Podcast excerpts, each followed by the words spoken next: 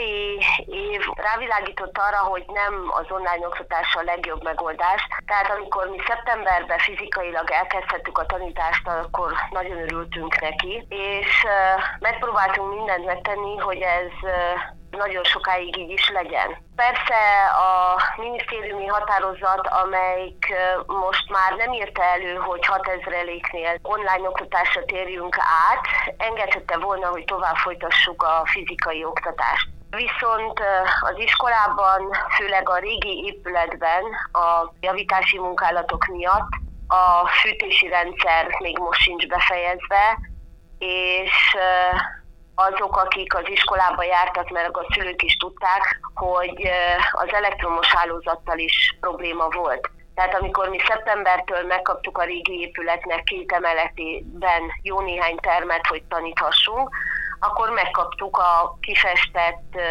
négy falat gyakorlatilag, áram nélkül, internet nélkül. Tehát azért ilyen körülmények között gondoltuk, hogy hát ha haladnak a munkálatok, akkor előbb-utóbb olyan fázisba kerülünk, hogy rendben legyen minden, viszont nem haladtak a munkálatok olyan sebességgel, ahogy mi szerettük volna. Az elmúlt napokban néhány osztály online oktatásra került, mivel volt betegség az osztályban.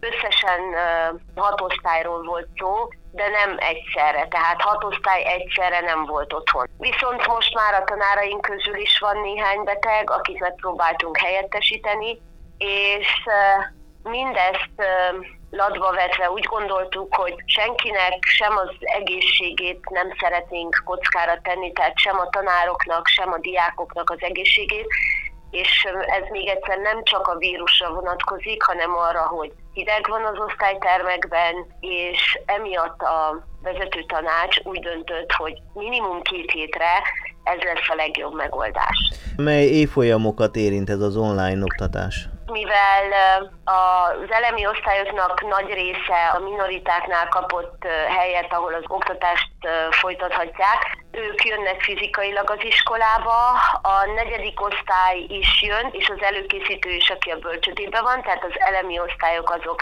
folytathatják fizikailag.